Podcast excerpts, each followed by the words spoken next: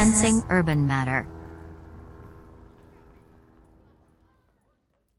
Thank you very much for finding this time today.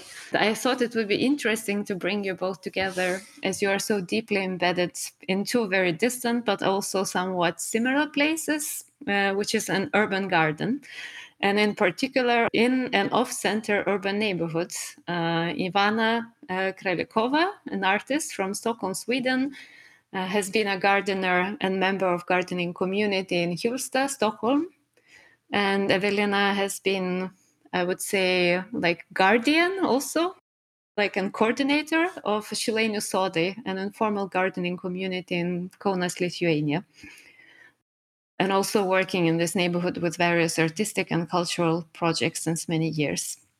So, first of all, to introduce you in more detail, Ivana, I thought I will just uh, paraphrase your own self description, how you present yourself usually, practice to be informed by various aspects of human exchange with Earth, and that your work has continuously evolved from ceramic studio practice into larger interventions seeking a social context to further examine the relationship between humans and materials, objects, or spaces in the neo environment, which is a definition used for an entangled environment of natural and technological system.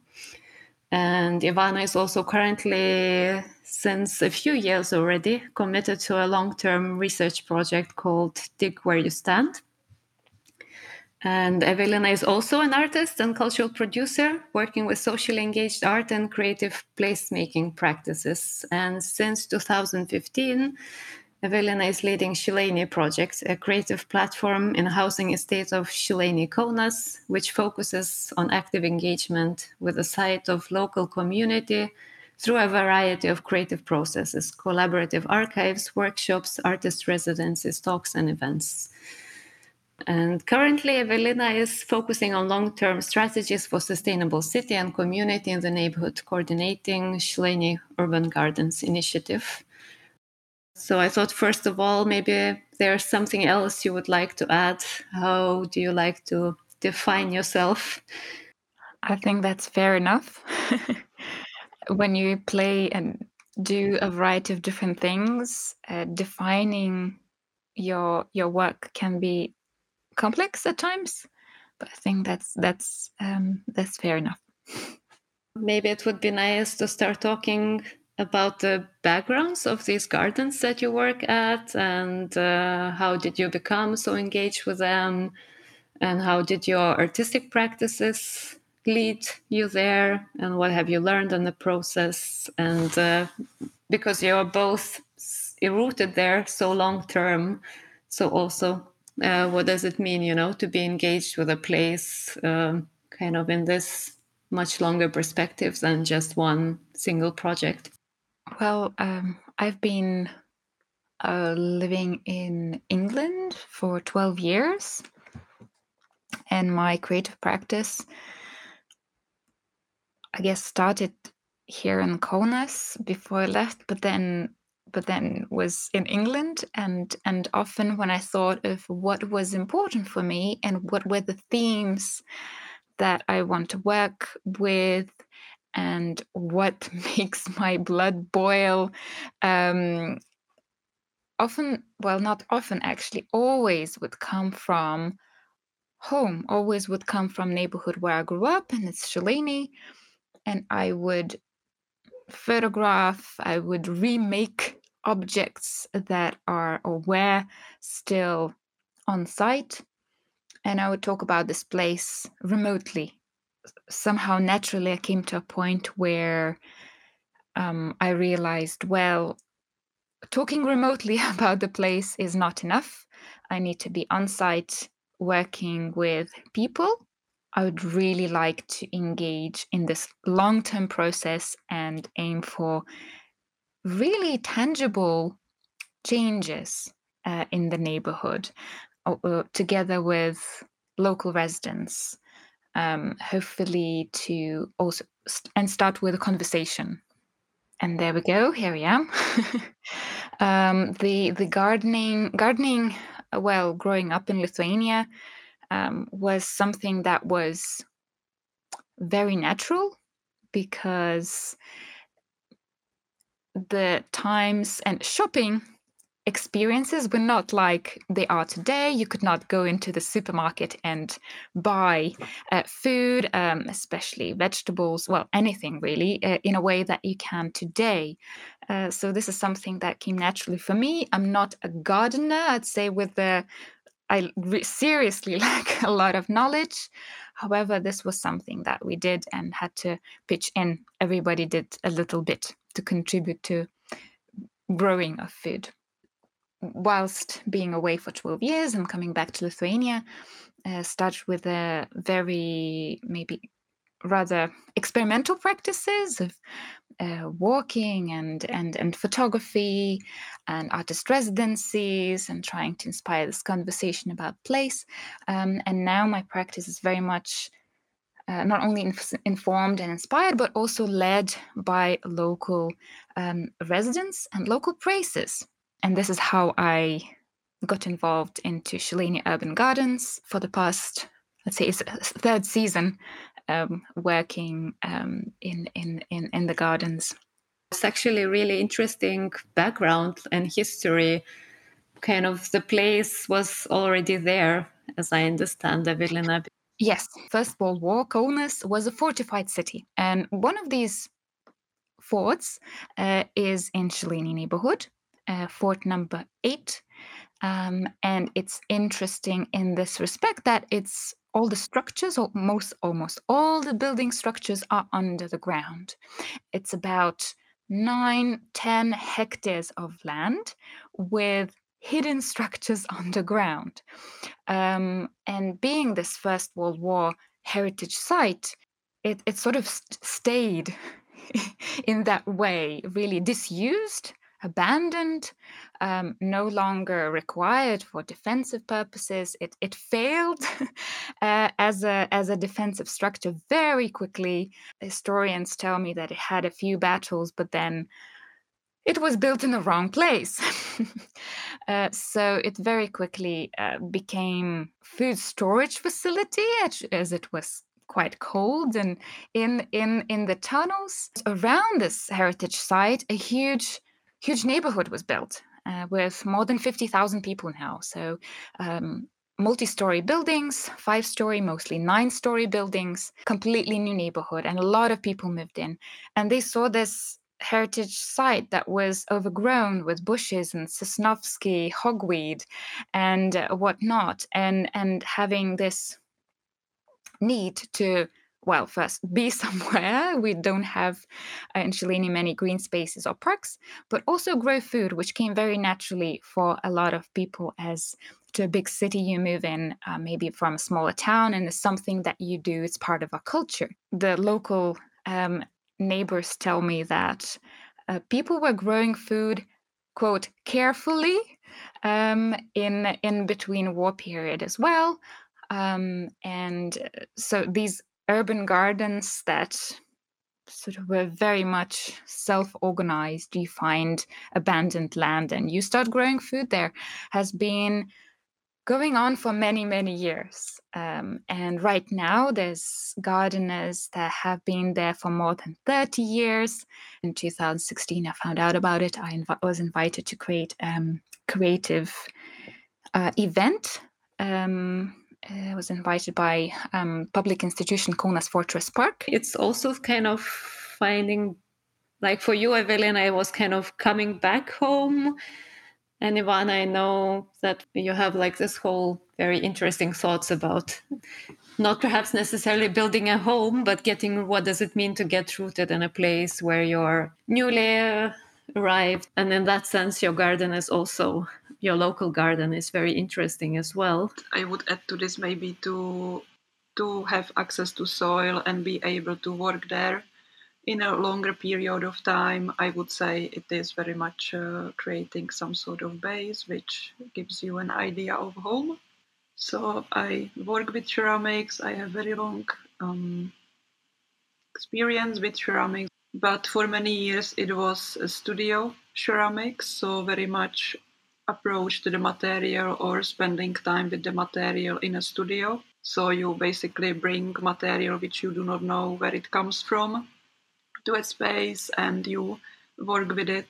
And uh, I think that it was happening for me somehow in a parallel that I am foreigner in Sweden. Now I am actually a citizen very newly for many years I have been moving from one place to another, trying to settle down. But then somehow it happened also in parallel with my work that I found a place in Stockholm where I stayed for a little bit uh, longer period of time and at the same time I started to work with clay in a different kind of way. I started to explore the outdoor spaces and searching for materials or possibilities what I can do with the material which I find outside. So also I should say that for a long time I have been approaching ceramics or clay making or working with the material in a way that I have not been firing the material that I could uh,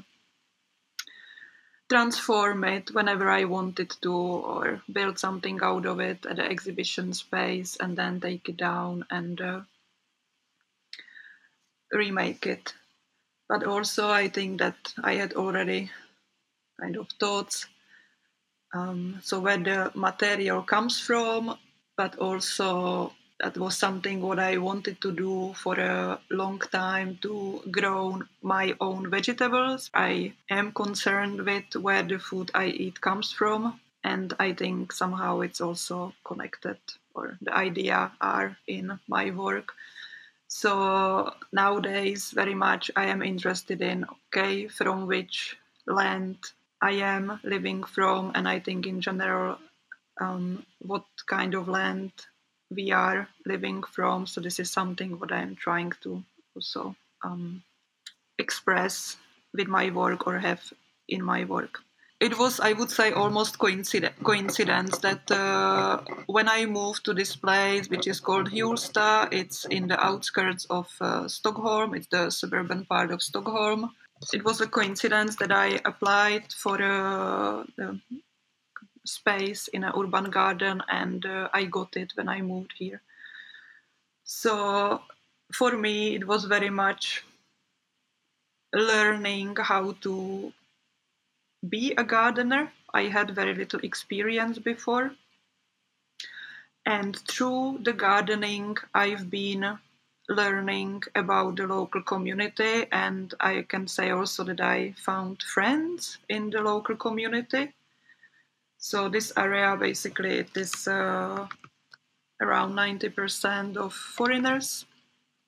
Um, the local popula- pop- population so the garden I had, I used also, or I still use as a some sort of exploratory space where I work with soil and clay because I found out that there is a lot of clay in this area. But also, when I work with clay, which comes from local environments, it is important for me that the material is or whenever it is possible that it is a byproduct, that it is something what that because of harvesting the material, I do not have to damage some local ecosystem or something like that.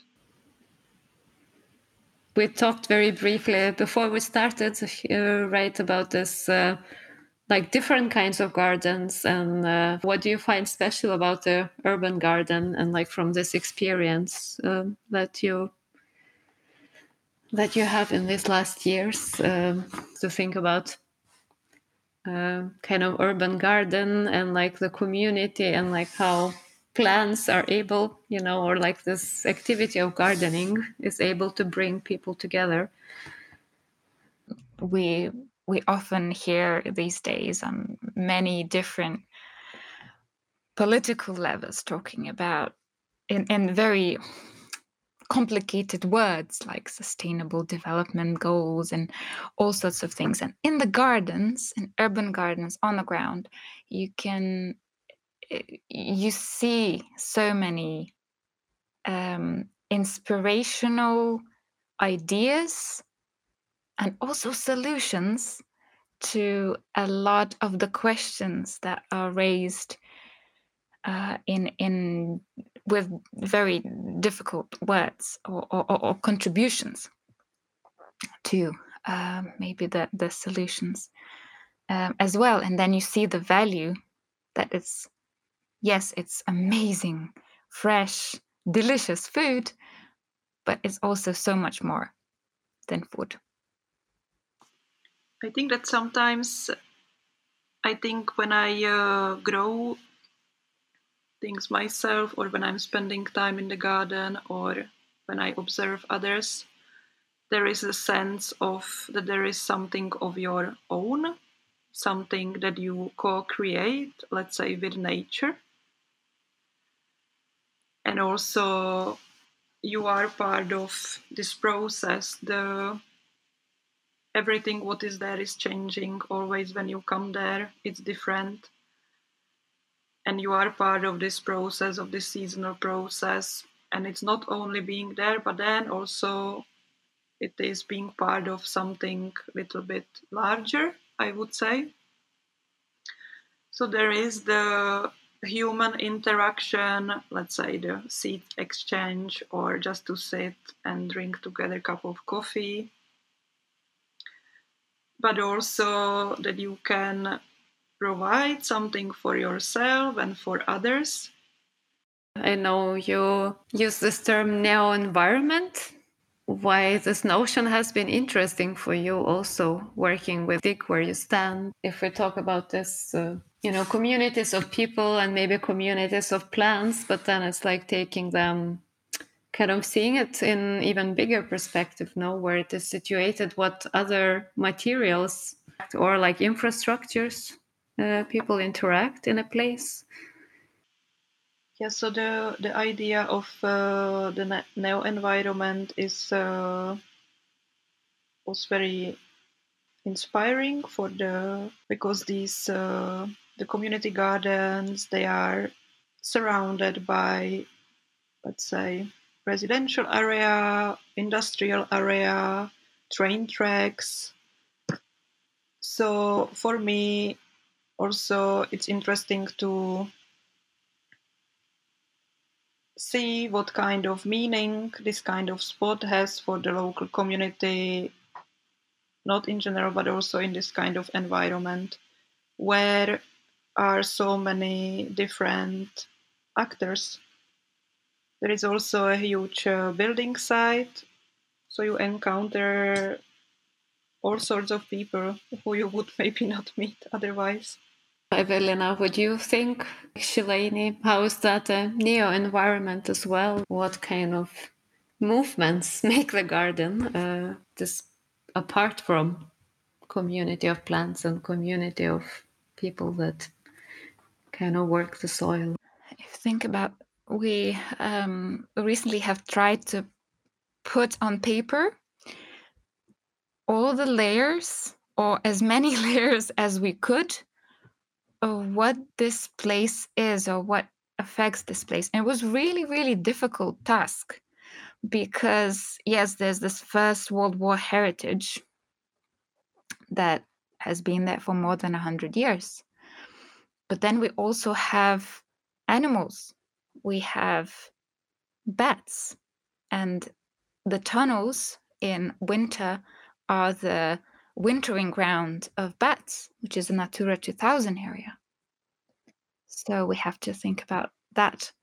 Then we have not one community, but many communities that are active um, in this area, and they're very different. So you have gardeners that have been there for many years, um, used to be only seniors. And we have youth that come there for this exciting green place, which they love just to be, just to hang out after school. you have heritage community who are very curious, who care about the engineering of this place, which is very interesting, and we that we don't have exact plans of this place, so we not necessarily know where things are, where things finish.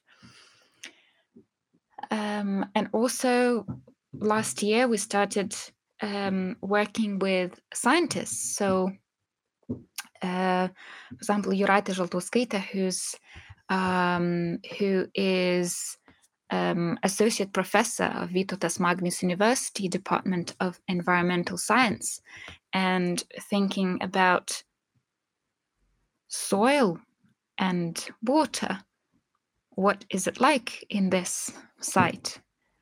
And that came from summer actions that we did with um, naturalist Thomas Pocius and together with community we wanted to find out in a very hands-on way with kids and and and and the parents to explore the place and find what kind of bugs live uh, in this place what kind of uh, insects animals birds um, and really discover that in for the first time because when you say city environment you you don't think about forest you don't think about animals and and plants traditionally i would say there's interesting you know there's one thing that the garden brings community but then it's still what kind of information structures uh, sustain it the site carries some kind of information. So, do you have an, any experience somehow working with it? And uh,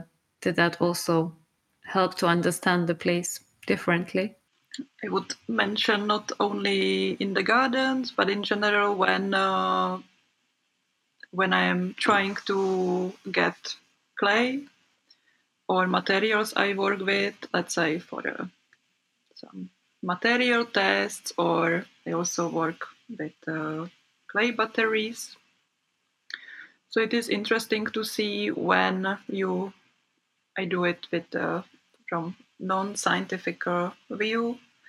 I do it from the ceramic, ceramicist point of view. When you find clay somewhere, so it usually is, or from my experience, it usually is very compact material. So from that you can see that it has not been interrupted, let's say. Because, for instance, when I've been harvesting soil for uh, soil and clay batteries in different places of Stockholm, I could see that uh, the soil has not been uh, clean at all. It has been uh, mixed with many other materials, let's say pieces of bricks, pieces of uh, concrete. And I think that this is very common. This is something also what I find in the gardening spot, which I have right now, because I started first with one garden and then I changed it to another garden, which had a little bit more nature on a side. And uh, the previous owner had it uh, or abandoned it, according to my neighbors, more than 10 years ago. And also, I'm finding so many things from the previous neighbor or a previous gardener, previous owner. Um, also, um, another aspect what I am interested in, how plants are carrying data or what you can read from them, is something what I have been working with recently.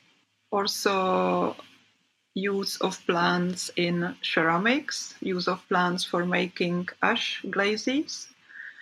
In the garden uh, in Hjulsta, or through the garden in Hjulsta, runs a brook which according to local authorities, has been polluted with uh, heavy metals. And what I am testing or trying to do is to find out if the plants growing in the brook can clean the brook and if it would be possible to make glazes from these plants. So this is what I'm trying to do practically um, using my ceramic practice. So the idea is if the glazes would be somehow affected by the content of the heavy metals in the brook, but also I'm trying to find out through uh, scientific tests um, they are they are in the making. I'm trying to find out what kind of metals specifically are in the in the brook, and also I'm trying to find out if really the plant which is growing in the brook. It seems like that the plant there is one specific plant which is really taking over the other species. So I'm interested in if there is something what makes the plant to thrive in the brook. Um, the hypothesis is that uh, even if there would be any heavy metals, they would not be visible in uh, in the glazes because it would be very small amount. And also, when I make ash from the plants, the heavy metals probably get partly away in the air through the burning process. But for me, also, I guess this is going to be a longer process. I'm interested in if that would be a way to create the glazes and ceramics out of these plants which grow in, let's say, unclean soil, if it would be some sort of capsule if they could be somehow locked in the glaze. As I understand, heavy metals, once they get in the environment, they are circling there. I'm hearing this and I'm imagining.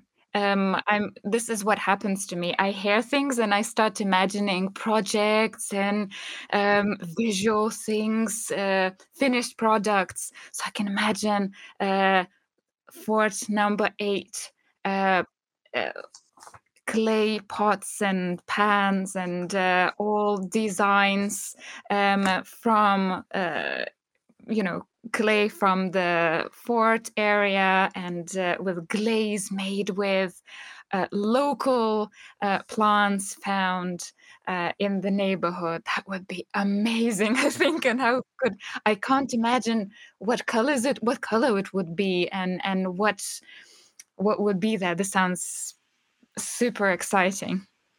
Yes, I can. Uh, I can. I can answer to this maybe shortly. That uh, I have been uh, working um, towards to something um, like that, but not uh, to have a final product, but to developed this kind of materials very recently. And uh, regarding the color, I can say that uh, I did some experiments with grass. If you would collect plants in a meadow, so that would probably give a green color, dark green color.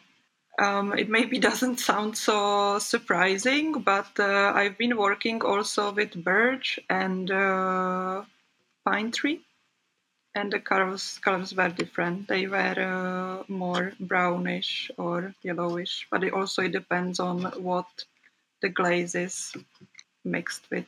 So it's usually not uh, only clean ash, but it's usually mixed with other clay or some other components thinking even uh, speculatively what you suggest as this kind of urban ceramic practice and then gardening. Do you think what are the connections between the two?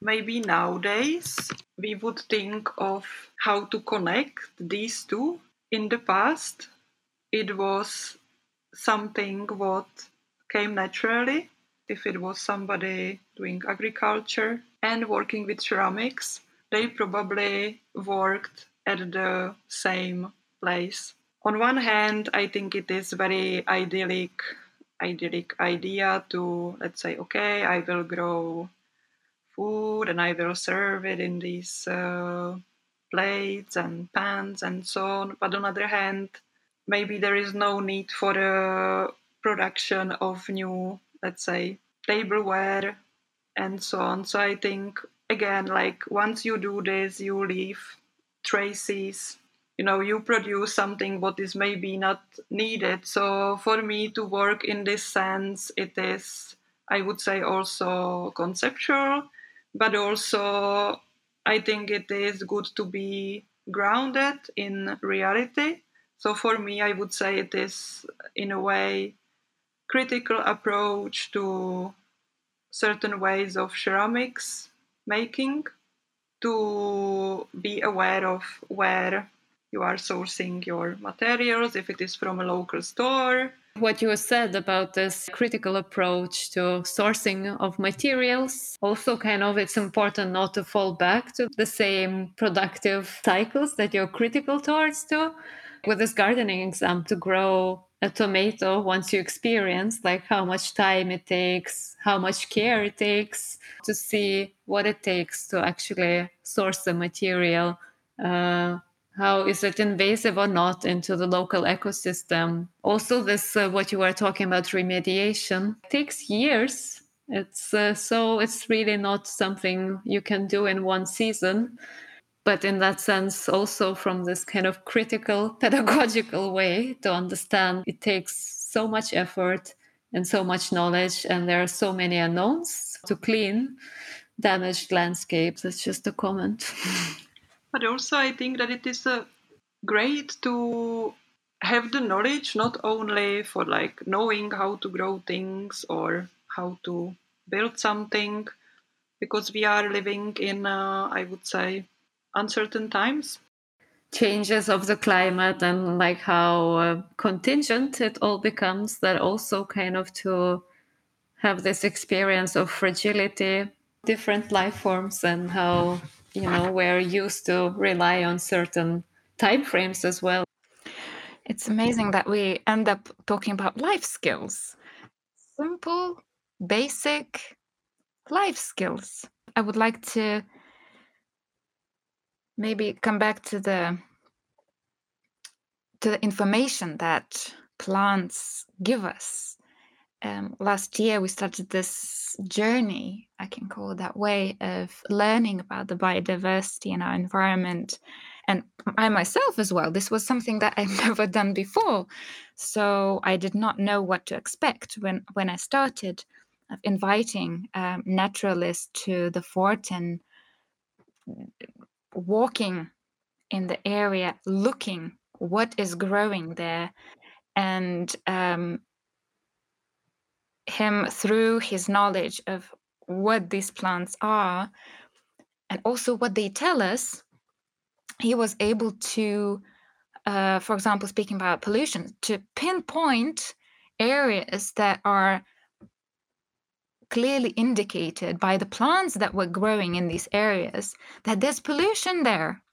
And it started the opened up conversation um, also the people who were um, walking with us and and then taking this information to uh, scientists and take on um, choose these areas target these areas to um, for soil sampling and water sampling um, clearly because we, we found these these uh, plants growing there was very very important phytoremediation that you mentioned is something that I would love to do in the future. I would love to know more about the um, the the plants that clean soil.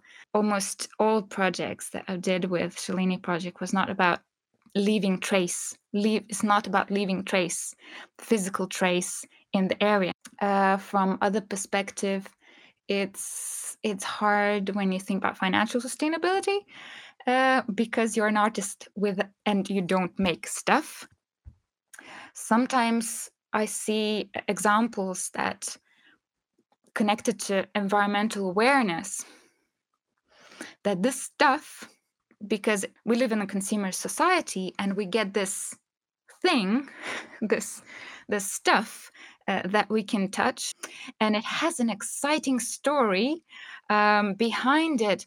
Maybe we learn about the place for the first time. We are emotionally touched by the story. Maybe we want to help and in a way that we can. So it's it's really tough game in this respect. And that, that i don't have an answer. But yeah we need to stop making stuff. But how do we communicate this? I really do kind of know and understand how much commitment these processes ask from you. And they also somehow maybe as you said i think evelina to our conversation. And i know to ivana it's maybe kind of also seeps away from conventional understanding of artistic practice. Uh, as you said evelina when you don't make stuff or you kind of go like trying to find this new format are there some practices also that you aspire to? To be committed committed to the place where I work at, it comes very naturally. I think it would be impossible to do it otherwise. I think to be part of the local community, you need to be present and uh, do activities together with uh, the local community. There are un- there are not so clear boundaries what is artistic work and what is my private life, I would say. And uh, what I would envision for the for the future or what I am aspiring to, I would really like to keep this going. And uh, already it is happening that. Uh, I'm learning some sort of, I can say, or developing methods which I can apply also in another or different places. But uh, here in this garden, when I am listening Evelina how she talks about the local community, I don't know what kind of difficulties or how easy it was to involve the local community in the activities because for instance here with the local community some of the gardeners I wanted to, let's say, at least interview um, about, wanted to hear their thoughts, the importance of having the garden, and so on. But they did not want to be interviewed. They do not want to be photographed. They, for them, it definitely is no project for them. It is such a important part of life. They do not want to be disturbed there when they are there. So I think also it's very interesting for me to work in that kind of environment where is so much privacy or private life going on, even though it's happening in the open. I would agree with Ivana in so many things that you just said. Not artists have to work in this way. Absolutely. It's not for everybody. I, I, I don't think I could I could work in a sterile environment. Whatever that environment is, is, is not sterile. Um, how do we how do we work together in the space and um, what that collaboration can bring? I think that's really really exciting. How do we make invisible things visible? Sometimes in space which we start working for the first time. This is something that I wanted to uh, to mention. This hyper locality that you're in one place and you at least geographically define where you're working and who this whether we call participants target audience co-creators um, however you approach the work. And the process uh, is seen as a negative thing. You're hyper local so you're not reaching everyone.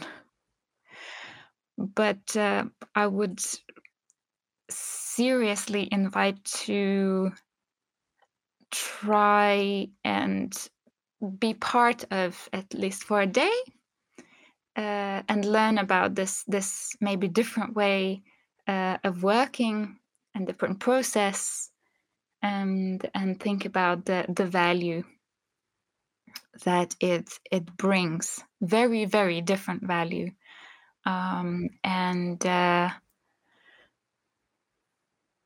yeah hyper locality not being scared of being hyper local mm. and uh, and and where the participants become audience. Where do participants become audience? Oh it's complicated. Well, and and and uh, this different way of participating or co-creating well, what are we doing here? Um, and it's it's uh, I, I as as an artist and especially doing this long-term practice that you do not see the end. I don't know where it's gonna where it's gonna finish. I have aim uh, and uh, in the gardens we have a common goal. We want the gardens to continue for many years to come and we want to be proud of the gardens and that um, and and and of the gardeners uh, and their practices there. Different way of participating, contributing uh, to to to the project. That's the reason I admire both practices. Well, it's so uh, trailblazing. Thank you so much for finding this time to talk. Thank you very much, and uh, yeah, I look forward to seeing in person. Sensing Urban Matter.